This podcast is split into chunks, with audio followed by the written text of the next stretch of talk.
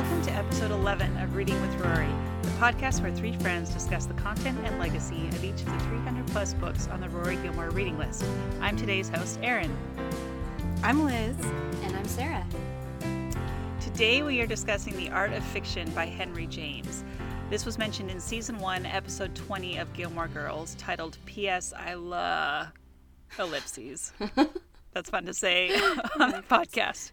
Um, yeah, it's more, but that's more what it's textual called. thing. Yeah. Yeah, that's what it's called. Um, but it was mentioned in the course of one of Rory's high school English classes. Max Medina, one of Lorelai's men, um, is the one who mentioned this. Um, He would. quick- That's typical. I know, right? Um, although it wasn't about Proust, and he mentions Proust a lot. So, Well, he's just an English teacher, so I'll give him. He should talk about this, I guess. well, uh, yeah.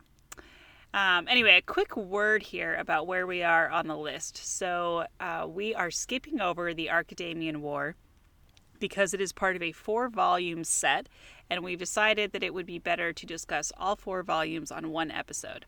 So, if you're wondering why we're not discussing the Archidamian War, it's because we're going to discuss it when we get to the O's in the outbreak of the Peloponnesian War. So, until then, just hold off on your Greek history. We will get back to it. Okay, so before we get into our discussion on the art of fiction, let's talk about food. What are we eating today? Liz, you first. So today I have some pumpkin poblano pesto that I am dipping some. Well, I found the brown bread that they serve at the um, cheesecake factory at the store you can buy, and you just reheat it, and so it's like you're eating the bread that they give you at the cheesecake factory before you eat. That's so good. Um, I bought that in a bag, and now I'm dipping it in my in my pumpkin poblano pesto, and it's really good. In a bag. well, The alliteration in that sentence was so great. I had to slow myself down because I wanted you to really get the full effect. But how that's pretty is a fancy good, for it's me, a good right? tongue twister. Yeah. Well, it's better than pretzels. Yeah, I, it is better than pretzels. It's got some kick to it. Yeah. Although I don't know those vanilla tootsie rolls. Those are good. Hey, don't hate on those. Those are good. I still have them. That'll be dessert. Um, okay, great. Uh, Sarah, what about you? Um, well, I am sampling. Um, a, a friend uh, gave me some Argentine pastries, and I um, I I don't know what they're called. I just know they're from like a little Argentinian bakery um, somewhere here in Utah that he picked up and and gave to me, and I'm trying them out, and you know they're pretty tasty. It's, it's something out of the out of the common way, so. Um, Okay. I recommend it. Yeah, sadly, I don't know the name of the bakery or the name of the pastries. I just know their nationality, and I'm I'm all about you know pastries of the world. Just you know whatever I can do. So Delicious. Mm-hmm. Excellent. okay, well, I am eating some. Well, I'm drinking some apple cider that I bought from Whole Foods. I never go to Whole Foods, but sometimes I cave because it's close. Um, anyway, so I'm drinking some apple cider. I had a piece of rosemary garlic bread, also from Whole Foods, that was actually delicious. And then I'm eating raw cookie dough. So clearly, I'm winning tonight on my healthy meal. I, I support that choice. Um, well, you know, sometimes you're just a little too tired to make the actual cookies. You get as far as the dough, and eat the dough. That's what it's and for. yeah, and that's where it ends. Yep. Um, okay, well, now that we have that in hand, let's get back to our discussion. So today we're taking a slightly different track on our reading with Rory discussion. Um, the Art of Fiction by Henry James is not so much a book, but an essay that was turned into a book. And it's not really a story, but more of a discussion of literary theory. So before you turn this episode off and dismiss it entirely, here's what eNotes had to say about the significance of this essay. Well, that'll get people to stay. I mean, I'm sorry. it was a Continue. little got me. to find. No, no, no. It got. I was like, li- critical theory. Yes. Yeah, What? Henry I- James. I'm all. I'm I mean, board. if critical theory and E notes don't really get you going, why Before are you, you still turn here? it off, here's what E Notes has to say. Tell us, Erin. Tell us what E Notes has to say. E Notes is great. Well, I thought it was. I, anyway, okay. I thought this was a great, a great thing to say about the essay. Here's what they said: He said Henry James's The Art of Fiction remains one of the most influential statements on the theory of the novel. The essay concisely assesses the condition of the genre up to his own time and accurately anticipates the direction of, fu- of its future development. Much as Edgar Allan Poe did for the short story a generation earlier, James establishes the novel as a serious artistic genre, identifies its unique characteristics, and lays out the fundamental principles for its critical analysis. So I think that's pretty good. It's Yeah. pretty high Yeah. praise. It's a good, yeah, it's a good Important. little synopsis, a good little, um, you know, helps us understand its importance and, and, you know, just the genre of critical theory itself. So that's cool. So way to go, eNotes. We um, okay, so given this high praise and this kind of background, today's conversation is really about stopping to consider why we're doing this podcast in the first place, why we're spending all this time and energy reading and discussing books, particularly fiction. So this is going to be a conversation on um, literary criticism and just a discussion about literature in general through the context of Henry James's essay. Yeah, just what So- makes a good book. Exactly. Um, now, before we get into our gut reactions on it, I don't know that very many people will have actually read this.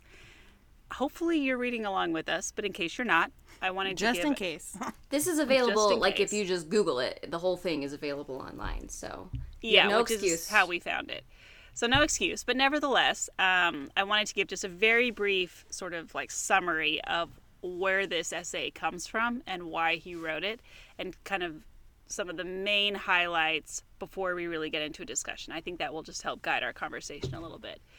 Um, okay, so in 1884, a novelist by the name of Walter Besant gave a lecture titled Fiction as One of the Fine Arts. And in this lecture, he made basically three points. The first is that narrative fiction is a fine art and should be valued with other forms of art like painting, music, and poetry.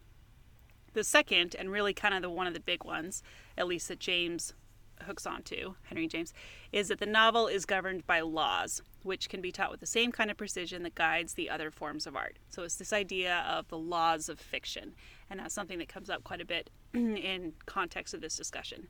And then the third point is that in addition to mastering these laws of fiction, the novelist must also have a powerful artistic talent. So basically, he his point was that people should stick to writing only about things they know. So one of the lines from his lecture or article is that a young lady brought up in a quiet country village should avoid descriptions of garrison life. Now Henry James came along and said, "Actually, I disagree with that." And his point uh, was that he was arguing for the fullest freedom in a novelist's choice of subject and method of treatment. So, in his mind, um, the way he saw it was that the only obligation to which in advance we may hold a novel without incurring the accusation of being arbitrary is that it be interesting. So, really, that's kind of what we're discussing today. What makes a good novel? What makes something worthwhile? How do we look at that? Are there sort of these laws of fiction, like Besant was saying, or is it more about it's just a matter of being interesting? So, with that background in mind, let's dive in and talk about our gut reactions. Liz, start us out.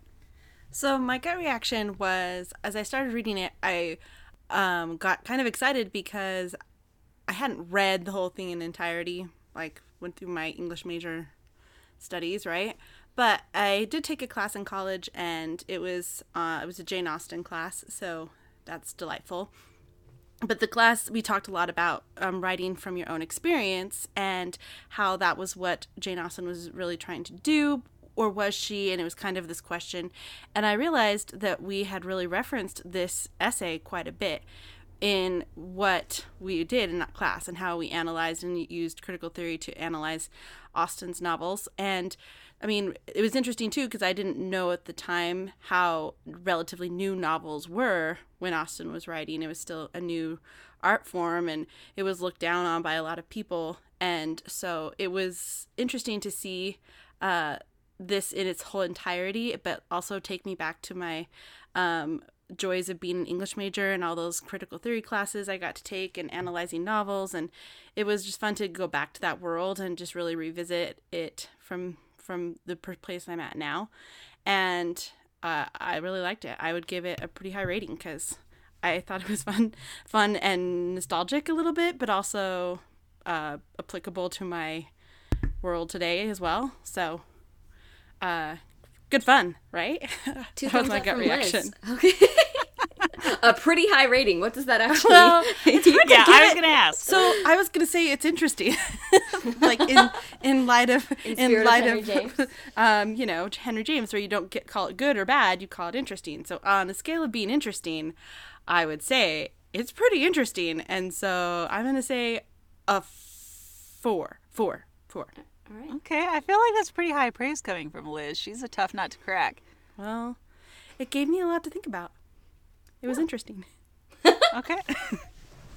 and I'm sure we will be discussing all of that. It made Um, me happy that I used that word a lot because I think I used that word too much, and then I was like, "Oh, that's good. Okay, thanks, thanks, James. Gives me permission."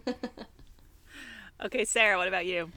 Um, I really liked it too. I, while I wasn't an English major, I love studying the humanities and the idea of, you know, describing fiction as an art and how kind of the comparison between, you know, what components make a good painting, should there be similar components of structure and such that make a good novel, and the idea of literature as an art form, which again Liz alluded to, like it wasn't considered so at that point. It was frivolous and it was silly and lightweight stuff, and it wasn't to be taken seriously or really worthy of any kind of um, serious examination. So uh, I liked it from that standpoint because uh, I, I just enjoy enjoyed studying the arts in college and, and have continued to do so. So from that standpoint, I liked it. The writing is really dense and um, at times I I kind of struggled with it a little bit, but I uh, but I really actually enjoyed it in the end. So I found a a quote from an author who's a literary critic himself. His name is David Lodge, and he's writing about Henry James in the Washington Post a couple decades back. But he said this is how he described his writing, and I thought, you know, put it better than any way I could. He said the structure of the whole sentence is what grammarians call periodic. You have to wait till the end, holding the accumulating information in your head for the clinching clause that delivers the main point. This makes reading James a strenuous but rewarding experience. Nod in mid sentence and you are lost. And so that was kind of how I felt. I had to kind of go back and be like, wait, a- wait a second.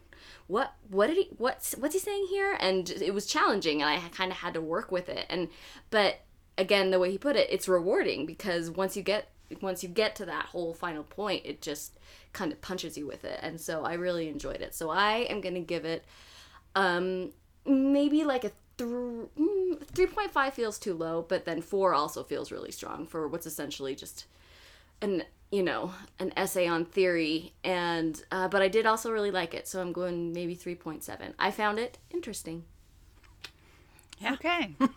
Interesting is the word of the day. Um, yeah. So I, I yeah, I had like different layers of reactions when I read this. The first was, oh my gosh, I feel like I'm back in law school. Kill me now, um, because his writing was so dense that like you, you know like you both have been saying you have to really work at it to read it and sometimes that's just not something I want to do, especially when I'm tired. And that's just a good thing you like- became a lawyer yeah, some dense language. sorry continue. Yeah, well, it's true. Reading statutory law is like so dry. Um, yes Anyway. i relate but that's a different subject. Um, but once I, I, and it was also kind of hard for me because since this is challenging to, uh, you know, it's not like you can go like find this book anywhere, or I don't know, maybe you can, but for me, like I found it online, so I read it online, and I don't like reading things on my phone or on like a tablet. I want the real tangible book. It just helps me read better. And so I think like having it on my phone plus the dense language just made it like doubly hard to really like kind of get into. Um, but that being said, once I, you know, if if I read it long enough, like for a long enough period of time, consistently, then you start to get into the language and you start to get like a rhythm with it, and then you start to really understand what he's saying. And it is very interesting to use that word again. Um, the way that he sort of like puts this idea out there of like really all we care about in a lot of ways is that this thing is interesting and you know how do you determine if something's interesting and it's kind of a personal thing and what does that mean? And how you know should there be rules? And should it be like these other art forms? And what is the moral tale that you're trying to tell? And how do you judge the morality of something? And so there are all these like really interesting ideas in there that he gets at that are actually things that like everyday people are evaluating on a very consistent basis when they pick up a book to read it. And he just is doing it in a very intellectual way and so it, once you kind of like get to that point then yeah it's really pretty interesting so i would give it probably like i don't know i kind of agree with sarah i might go like a 3.7 is that where you ended up sarah That's where I ended up. Yep. oh well okay there you go it's probably where I. Consensus. I like it. Yeah. consensus. Um, okay, so I thought what we would do here is just talk about some of our thoughts on James's premises, whether that's through quotes um, that we have or through just thoughts on the whole thing. But let's start out. How do we feel about this? How do we feel? Well, I'll put it out there first. How do we feel about this uh, quote I read earlier that the only obligation to which in advance we may hold a novel without incurring the accusation of being arbitrary is that it be interesting? So the the idea that the only thing we care about is that something is interesting. How do we feel about that? Well, I I do mean, think it's I say amen. Go ahead, Liz. I, well, amen too. I just think that it has to hold your interest, right? So if whether or not there's like things in it that you disagree with, or things in it that are morally not good, that they don't teach you something like a lesson, but if you are if it's holding your interest, that how is it holding your interest? What holds your interest? What is making it interesting to you? That makes it that's an interesting interesting see I use that word too much anyway, but that poses a question that really gets to what is in the heart of a book is what and, into the heart of yourself too. So it's like connecting you to the book. So it can't just be the art form in itself, it has to be how it connects to the people who read it, to its audience. So to me, I really like that quote. I, I highlighted it too because it taste is a huge impact. He talks about that too. How everyone has different taste levels and different things that mm-hmm. they like. So if the book is interesting, it's not a commentary on how well it's written all the time. It's also a commentary on the reader and what background knowledge they bring to it or what experience the author shows you or introduces you to that lets you want to keep reading. That's I think I think you touch on it when you talk about tastes and what really struck me was the idea that the only thing that matters essentially the only thing for that matters for it to be art, right? So we're talking about the art of fiction and for fiction to be considered art, effective art, good art is that it be interesting. And I like that in the idea of genre, right? Because I think today there's genres of fiction that are considered high art and genres of fiction that are considered low art. And i think that's stupid. I think if a, if you if a the genre alone shouldn't determine whether or not it is good. And i think that there's a lot of silliness associated with you know you can't like a romance novel or you can't and i and i do think a lot of this is tied up in sometimes i feel like i'm the one always beating this drum so sorry but like tied up in like gender stuff like genres that women have traditionally liked tend to get taken less seriously um and i think that's starting to change but i i really liked that he was making this point like who cares what kind of genre it is? All that matters is that it holds your attention that like liz said it holds your interest. That's what makes an effective story is that it's interesting. I don't care if it's a ghost story or if it's a murder mystery or if it's a romance novel, novel or sci-fi or fantasy all of which have always been kind of thought to be kind of less than you know? And i um, i like that this sort of shuts that argument down pretty effectively Well, it's interesting. Like uh, the the point you bring up about how you know traditionally it's genres that women have been interested in. I, I'm sitting here thinking as we're talking about you know thinking back to our discussion on the amazing adventures of Kavalier and Clay and the whole discussion about the worth of a comic book and whether or not comic books were a worthwhile thing to read like where do you put a comic book in this Yeah. category you know and that that part of the that storyline was coming to the realization of of how comic books were a form of art were absolutely a form of art and that there was so much to be gained through experiencing and being part of that genre, that particular genre. So I don't know that it's necessarily been limited to um, genres that women have particularly been interested. Although you think about like the Danielle Steel Yeah. novels or whatever they are, and how it's kind of like, oh yeah, okay, whatever.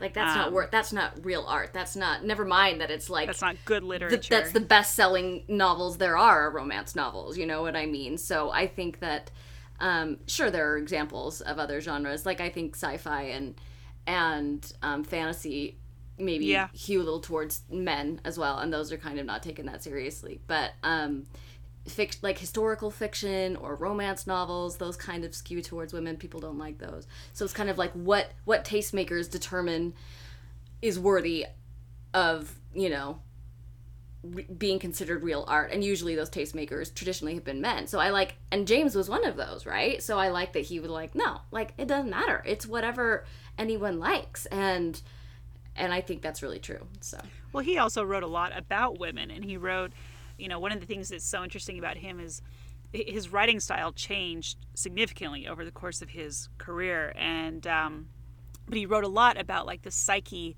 of a woman, and there were a lot of things about that that were quite um, modern, I guess, and influential, kind of groundbreaking. This whole idea of like the stream of consciousness thinking, but you know, as we're talking, huh? Impressionistic Yeah, exactly. That he and he was he did do that when he wrote during one of his literary periods. He was trying to mimic the impressionist artists in the way that he wrote, and um, which is where some of that comes from. But as we're talking here, I I'm thinking, you know, you have these genres. Um, you have like you know the romance category right with the Danielle Steels but then you get these like anomalies that kind of pop up within that genre that people kind of or that are seen as somehow different. For example i'm thinking of like the shades of Gr- or the what is the shades of gray no what is it? Fifty Shades of shades of gray yeah. Clearly i never read that. That's a um, whole other kind of genre. That's like erotica. yeah. Well but is it really that much different than some of these other romance novels though? Yes. You know and then you, but then you throw it like the twilight stuff in there too and there's a little bit of the fantasy aspect in there but at the end of the day there's still like a romance thing going on. But you get these like weird kind of outliers or even like in the fantasy genre you know you have like ender's game and like I don't know some when you say books- outliers what do you mean outlying how? Well where like pop, that they're really popular or what? Yeah, they take like a larger role in the world of literature and they're heralded as you know, kind of these classics. I doubt anyone's gonna call Twilight a classic. Sorry, you guys. Well, maybe not, but the the impact I mean, when I say you guys, I mean like, um, well, but I was gonna bring that up, right? Like Twilight, and I didn't mean to interrupt you, Erin. I'm sorry, but No, go ahead. um, because I think Twilight's an interesting example, right? Like, I've I've read Twilight. I think the writing is pretty atrocious, but you know, and I think that the the literary world in general kind of turned up its nose at Twilight, even though it was such a huge hit. Um, and but it was I don't know. I mean, I think I think that was more like a, a flash in the pan than it was kind.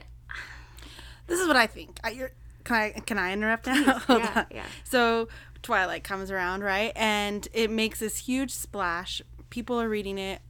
Kids are reading it. Grown women are reading it. It's crossing a lot of like audience boundaries, right? Where it's not just limiting to like wh- who's reading it necessarily, but um, it isn't well written. Like to me, it was like my my analogy was always like it's like watching the episode of The Hills, where I finished it and I'm like, well, what just happened? That was totally stupid, but I was kind of excited to read it, and it was a page turner, and it it made me it made me it had no like you know, edification to me whatsoever. like there was no substance to it. But the book snob in me has a hard time like admitting that maybe I read it, right? I, that yeah, or like or even with me, like here's the what I was gonna say was, I the writing was so bad I couldn't do it, but I wanted to know what happened, and so like it was want to know if like so- Kristin Cavallari fights with Lauren. yeah, or totally. Like, or if, if Heidi and Spencer, like how that was gonna sell, go down. sell their crystal. Yeah. so, um, but no, like I went to I went to Wikipedia and I eventually like read the plot summary, right? Because I'm like, well, I have to know what happens, but I can't actually bring myself to read this because it's just too painful to read. But um, but is that considered, you know, art? Are we being snobs? Like it obviously is interesting to millions and millions of people, had and their their so many interests are just as valid as as I know as as anyone else's, right? That's what I think. Is, is I had so many conversations with women. Oh, sorry, women and um, students about this book who loved it, and it I can't be like, ugh, that book, I hate that book, or that book was so bad. You don't want to say that to someone who just admitted that they love that book, right? So it's, um, I mean, it depends on who and what are, and what makes your what makes your Yeah. taste objectively better than theirs? Yeah, well, like yeah. based on what am I saying that that isn't well? The fact that it's not well written, I can I can come up with a few examples. But the point is is that um, to somebody that's a really good book, and it got them reading, and it had a story to tell, and it captured and the interest of the world basically. And who are we to say that it's any less of a book than Yeah. another book? I guess. I take issue with it being called a, a classic because I don't think it's it's not like I think that it it was influential and I think that it like it got a lot of people reading and you know I don't know. I think it was Well- influential, but I don't I don't see it being like this great part of the literary canon for Maybe, maybe not. I mean, that I think is, you know, TBD, right? Like we don't really know. Yeah. But I think it's kind of like, uh, I, you know, getting hung up on whether or not it's a classic is not really the point. Let's not go down that road. But at the same time, though, like this all comes back to James's point. You know, like who, like Liz is saying, a lot of people read Twilight because it was interesting. I love Twilight. I mean, it's a, kind of a dumb story and Yeah. it's not very well written. But when I'm like need to chill out or whatever, I have no problem turning on the Twilight movies and doing a puzzle. I'm kind of embarrassed to admit that, but I love it. Like I No. also love it. And they're also not great movies, but doesn't matter. I'm not a big talking Kristen Stewart werewolves, fan, but it Erin. doesn't matter. We'll just talk like offline about the werewolves because I have Let's not even talk about that. I mean, anyway. this this conversation doesn't have to become about Twilight. But the point, like, but at the same time, though, this is James's whole point, Yeah. right? Like, all that matters to Yeah. him is that it's interesting. And here we are having this whole discussion. I mean, Twilight, whether or not Twilight ever becomes a classic, it did have an impact. And people look at the genre differently because Yeah. of Twilight. There are tropes and stereotypes, and you look all the way back from the days of Dracula, you know, Bram Stoker's Dracula, which is on our list, and we will be discussing, and how all of a sudden we end up here at Twilight. Like, there are a bunch of things that have changed in the genre that are now part of the mythology because of Twilight. That's a big deal. Yeah, I agree. I think that like the the question can also come to like popularity versus Yeah. um not classic if something's classic or not we can always argue that like the impact is important to talk about but i do think like i remember being in a humanities class in college too and we were talk- talking about critical theory and one of the things the professor this will date like basically when i went to college but he was like how many of you saw titanic in the theater and this was like four years after it Sarah. I know. I wasn't gonna bring go there. So, how many of you saw Titanic in the theater? And people were kind of like reluctantly raising their hand. And he's like, "Why are you not just owning it? Like, why why don't you just like all raise? You know, you all saw it. Everyone saw it. It sold more tickets in Provo than anywhere in the world. So why are you like deny? It literally That's did. true story. That's so funny. So why are you denying that you've seen it? And he's like, because, and it won Best Picture. It won all these awards. Like it was considered art, but four years later, people are kind of like, oh, now it's popular. I can't really appreciate it. So I think, or I can't outwardly appreciate it. So I do think that sometimes what James is talking about, or what I, when I think of of is like the good versus interesting is um, what makes something artsy and what makes something popular is kind of an interesting distinction because it could be popular, but as soon as too many people like it, then art snobs or snobbery people, right? I can people. consider myself one of them sometimes, right? Have a hard time admitting that that was something that they enjoyed, right? Because it wasn't, it doesn't follow this like artistic view that they now hold that they think it should or whatever. I don't know the psyche that like the it. difference between like high art and pop art, right? Totally. Like, and it's it's a silly like, and I think what that's what James is saying is that Yeah. there shouldn't be a difference. Like, if it's interesting, I don't know. Is that what he's saying? Maybe that's too simplistic. But Well, I think he's um, saying that not in that interesting debate, but I do think he's talking about it like what makes something good. Does it fall like if we're like analyzing art, like a painting, right? Everyone has sort of these ideals of what it look should look like and what makes it beautiful and art critics are going to hold it up and then there's going to be something that they look down as like lower or cheaper or not as valuable and the same can be said with literature now i think it's so back much to- of that. Like, how much yeah. of that is determined by like a perception of who the audience is? You know, like, and or or not. I mean, I think a lot of art critics, you know, how many times have you gone to an art gallery and you're like, that thing made it into an art gallery and someone thinks it's worth a lot of money? Are you kidding me? It's a pile of trash, literally. Mm-hmm. Well, everyone has so because yeah, analyzing a piece of literature is like analyzing a piece of art, though, because you can have different views, and someone's going to hold it up as wonderful, and someone is going to hold it up as um, the worst thing they've ever read. One of my favorite things is um, in January. They the tournament of books releases their like long form list, and then in March they have like a, a bracket. bracket system where they play off all these books that were written each year against each other, and they have people like pit this one book like. A few years ago, *Fault in Our Stars* was up against. I'm trying to remember what book was it the Orphan Master's Son? Oh yeah, the Orphan, Orphan Master's Son, and they like people. There's a vote. Someone votes on it, like a art a author usually votes on it, and um, it gets down, and then there's all these comments, and everyone is weighing in on. No way can that book win. That book was so horrible, or I love this book, and I mean, there's just this huge debate online all about these books that came out that previous year, and like my geek heart just like warms up because you can see like all of these like interactions about really good books and it's where I really look to find some good books because I can I like usually the books they choose and it's pretty fun to read but they do have some really good um, debates about why this book is so popular and if someone who studied to be an author is better than someone who just writes which is something James talks about a little bit right yeah. and Like, like you have to have talent. That's yeah, like of the world of MFAs or the world of just like the S.E. Hintons who write when they're 16 and just write a really good book.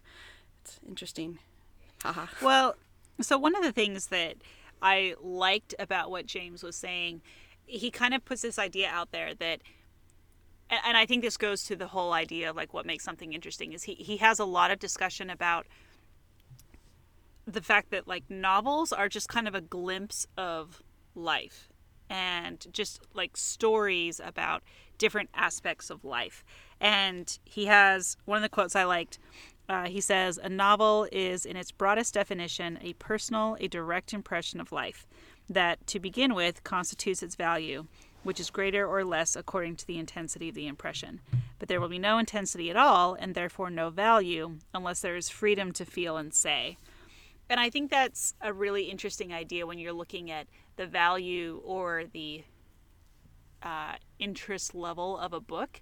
That you think about all these books and how they're just sort of impressions, someone's impression of life, whether it's completely made up, like Twilight, or whether it's real, like Angela's Ashes. Um, but at the end of the day, like it's just it's someone's impression of life. And he talks about how you can take different kinds of stories that on their face one might seem more interesting than another but the way that you execute it really it just comes down to the way that you execute it and the way that you tell this story and i think that that's a fascinating idea because one of the things that i've struggled with a lot reading through these books is you know how does someone write anything new and novel in uh, you know in, in the new sense. But like, how does anyone write anything new? Because there's so many books that have been written over the history of the world that like who's to say that any one new story is going to be interesting and yet people come out with new stories all the time and they're huge hits and they become these fascinating stories whether they're fiction or not um, just these fascinating tales about humanity. And it's it's fascinating. So i don't know. I think that's kind of another aspect of this this idea of you know novels give an impression of life. And there you go. Well, I was just thinking about that in the terms of because he spends a lot of time talking about kind of justifying like the exercise of literary criticism in general that that novels are something worth spending time exploring, right? What was the he had a quote that I really liked. Um, during the period I've alluded to, there was a comfortable, good humored feeling abroad that a novel is a novel, as a pudding is a pudding, and that this was the end of it. So, like, essentially saying, who cares what makes a good novel just like who cares what makes a good pudding although maybe some people do care what makes a good pudding i i care but um but that it was um that it was this silly trivial thing when at the time there were these amazing novels being written you know? This is like the age of like dickens and and um i mean we'd had and austen and even like and in other languages you have what was it um uh, Flaubert and and um, Cervantes and all this, you know, like there were amazing works of art being written in all kinds of languages, and and that it wasn't being taken seriously made me stop and think, you know, what forms are there, whether they're that are not considered art now, but the interesting things are being done, and maybe the world at large doesn't take it too seriously. You know what I mean? Like that Twitter. yeah, yeah, yeah. That's interesting. Seriously, the ability to write like a short little quip in 140 characters is talent. Yeah. There's an art to it. The art There of Twitter. is. There is. The art of Twitter.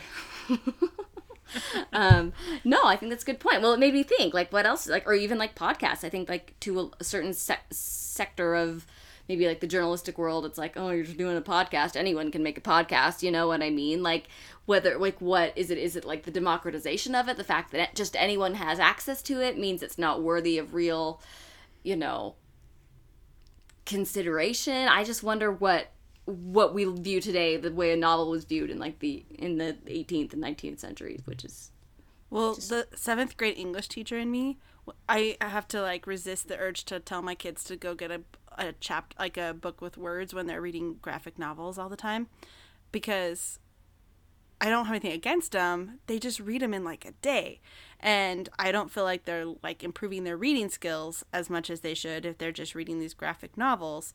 They love them. They're like tearing into them. They go through pages. Like the there's so many different ones now. There's mangas kids love.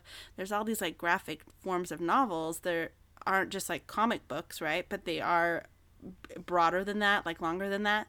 And I've had lots of debates with parents and other teachers where they're like, "Well, all my kid will read are these dumb books, and is that okay?" And I want, and I have to just say, "Well, yeah, it is," because they're read it's it, there's not there's nothing wrong with them. They're good. They're it's interesting to them. It's keeping them interested into something and hopefully we can gauge their capture their interest into something else. But i'm not going to tell them they can't read it because that just seems counterproductive to me. But i do have that inner struggle like part of me wants to be like that's not a real book. Go get a real book. When i shouldn't discount it. Maybe that future is that people aren't going to use words because it's too hard and so. Okay, well, before we uh, finish this off and talk about what we're inspired to do, I did want to give a shout out to some other pop culture references from previous episodes that have been brought to our attention. So, friend of the podcast, Angie from DC, shared the following references with us after listening to our episodes. Um, so, Melissa Meyer wrote a book. This one references Alice in Wonderland. Melissa uh, Meyer references a book called Heartless that that's right. details the origin story of the Queen of Hearts. Um, and in this story, the queen wants to open a bakery, but the bumbling King of Hearts fancies her, and her parents try to encourage the match. And uh, anyway, it's just a story that brings in the Cheshire Cat, the White Rabbit, Mad Hatter, all of these different characters from the book um, that sort of gives it another edge. So there's one reference. Um, Angela's Ashes. There's also there's apparently an episode in Boy Meets World, season seven, episode twenty one, that's titled What? Angela's Ashes. What? Uh, this is when Angela leaves Sean and and school to live in France for a year with her father. Okay, with that in mind, now that we finished the book, what are we inspired to do? Liz, what about you? So mine is two a two part inspiration. Inspiration one was to dig back and find some of my um, critical theory books because it was a fun nostalgia trip. Like, oh yeah, I, I- that made me feel smart and like, you know, like analytical about stuff. And then it also inspired me to just read a good romance novel because why the hell not? like, it's a good book. Yeah. Which one? Which one did you read? Also, I didn't read one yet, but um, I'm sure I will. I'll sure maybe maybe a Georgette Heyer. Just like keep it light. I don't even know who that is. Oh, That's like Liz's favorite romance author, and she's good. I like I like Georgia Heyer. I mean, there's some other ones too. I like too. Uh, see, I'm not opposed to romance, but Neither am I. um, they do get a little formulaic. But there's some good ones, and the formula works for me. So go team. Okay. Yeah. And then I'll analyze it with my critical theory books. see, it's like t- two swords. That is the essence of nerdiness. I'll take it. It's the dichotomy that I am. it is indeed. Oh boy. Uh, okay, Sarah, what about you?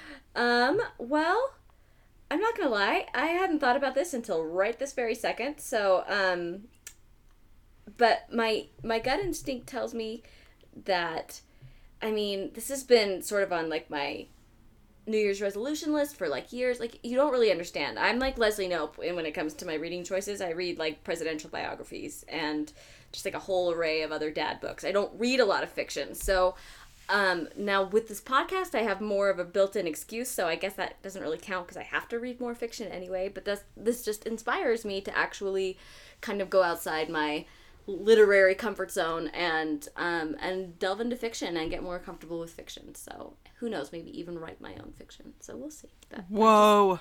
Yeah. Ooh. I like it. Okay, cool. Um, well, that actually steals a little bit of the thunder out of mine because Oh. my thing coming out of this is that I want to do more writing. I've been thinking about that for a while. I'd really like to write a book of some sort. Yay, that's good. See, that's And, not um, thunder stealing. Well, Not but the, the thing, and the thing about it that's so hard, and I said this a little bit earlier in the episode, is that I just feel like everything's already been written, and I'm like, my life is not in like, who cares about my like middle class American life in Salt Lake City, Utah? Like nobody cares. No. There's nothing interesting. I disagree. I about that. disagree, But also, you know, who says you have to write about your life? Yeah. Well, it, I mean, it's true, But but uh, do it. Well, a- anyway, so reading this was encouraging because as he's sitting here, you know, I'm sitting here reading this and James is talking about, you know, all these different kinds of stories and what people think is interesting and not interesting. And he's talking about, you know, the Bostonian nymph who rejects an English duke and all this stuff and and how some people could see that as just so boring and and he says, you know, I see dramas within dramas in that and innumerable points of view. And I love that line because I just thought, okay, like there's always another story to be told and there's always another perspective. Totally. And stories are as diverse as the human race. It's like you think about Jane Austen, right? People think like, what's so interesting about that? It's just these like drawing room banter, whatever. But obviously, there's so much. There's so much depth and so much to say. So And Yeah. going back to her and James and your thing. So remember how James was talking about a commonplace book in his in the look. So when I was taking my Jane Austen class, we had to keep a commonplace book, um, just like her. So we'd write down our like random observations, like sitting in the, you know, Cougareat, of like what's what's going on, right? so like we would just take all these notes about what's going on around us, like our experiences and our impressions of those experiences. And I found I found my notebook. It's actually kind of a Oh my gosh, your Cougareat Oh. observations are there for us, please. yeah. It- What? It's my, it's Do you my, have it available? uh, somewhere. It's my commonplace book. Anyway, my point is, is not that you guys need to dive into that because it's probably trivial. But if you're looking for, um, like a way to kind of get yourself started, I, that's really good writing advice is just Mm-hmm. to like jot down things of what you observe because you never know when it could be the Bostonian Duke and the nymph and it can turn into a book or whatever, right? Like you're sitting on the train and you hear a funny conversation and you're like, jot it down. That's a commonplace book. Do it, Erin. I just got really excited. Liz was inspired for Erin to have a commonplace book. I just like the idea Well- of a commonplace book. But I mean, Yeah, it's too. not called, It- people do it all the time, but I just love that you can harken back to his days and you can call it that. And Jane Austen's. Well, no, I, I think that's interesting. And and uh, actually, uh, a couple years ago, I was at the National Book Festival. Maybe it was last year, and uh, Michael Lewis was speaking. He wrote The Big Short Yeah, I like and him. you know The Blind Side and Right, because I read dad Moneyball. books. We know we know Michael Lewis up in here. Yeah. Sarah's like, oh boy. Well, our audience tell. might not read dad books like you do. Um, Stop. And Sarah, you're the one who talked about books being gendered. I'm disappointed I'm in sorry. you right. I know. My bad. That's true. Anyway, um, but I so I went to his lecture and I was listening to him, and the uh, moderator was asking him about the story, or about how he finds his stories, because his his topics are pretty diverse. You know, you're looking at the story of the blind side, this kid who becomes a pro football player, but then you're looking at like the Big Short and you know the financial crisis on Wall Street, and then you're looking at Moneyball, dealing with baseball. Like these are really random stories and really random topics. And he talked about how he had come up with the story for the blind side and he said that he was um, have i told you, you guys this before No. I don't No. think so. No. okay um, so he said that he was writing an article about nfl football statistics and i apologize in advance to michael lewis if i get any of this wrong but this is how i remember I'll it leave a nasty comment, but anyway Michael um, Lewis, big fan of our podcast. you never know. if i'm wrong michael lewis come on the podcast and correct us correct us. Yeah. anyway, so he he had to write this article. So he calls up his buddy from college or something, Sean Tuohy, and says, "Hey, I need to write this article. You mind if I ask you some questions?" And Sean Tuohy was like, "Sure, no problem." So he fly, you know, he said, "Come on down to Memphis." So he flies down to Memphis, and Sean Tuohy picks him up from the airport, drives him through Memphis, and is showing him his fast food empire. And if you haven't seen The Blind Side or read it, this is not going to make a lot of sense, but go watch it or read it. Anyway, and so he takes him to his house. They sit down, uh, talk about these statistics, have this big long conversation. And during the entire conversation, there's this kid sitting on the couch who doesn't say a word. He's just there. And Sean Tuohy never in- eh, never introduces him. He's just sitting there. So when the conversation's over, they get up and they leave. And as they're leaving, or as they're on their way back to the airport, Michael Lewis turns to Sean Tuohy and says, Yo, what was with that kid on the couch? And he was like, Oh, that's Leigh Anne's latest project. Like, we're just, he goes to the same school as our kids. We're just helping him out for a little while. And just kind of dismissed it. And Michael Lewis thought, Huh, that's interesting. And just sort of kept tabs on this kid over the years. And then eventually, when he became Michael Oher, as we know him, and got recruited into the NFL, his wife was like, You have to write that story. That's an incredible story. And that's where the story from the blind side came from. It was just him noticing something, thinking, Oh, that's interesting, and then following it until it became a real story.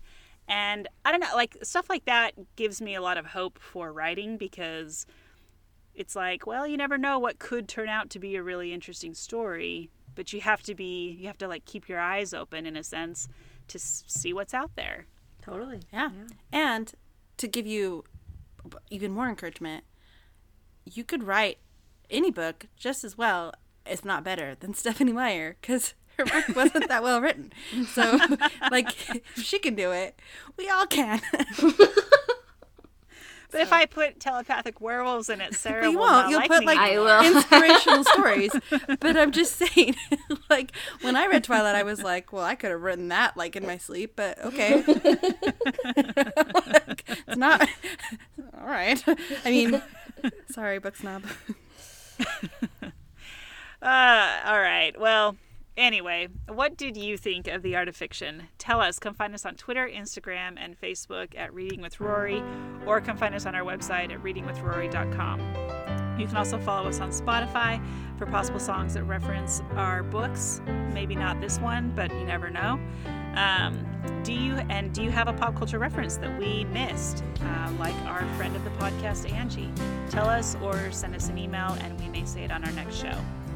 Next time on Reading with Rory, we are going to be reading The Art of War by Sun Tzu. So join us as we read along, and we'll catch you next time.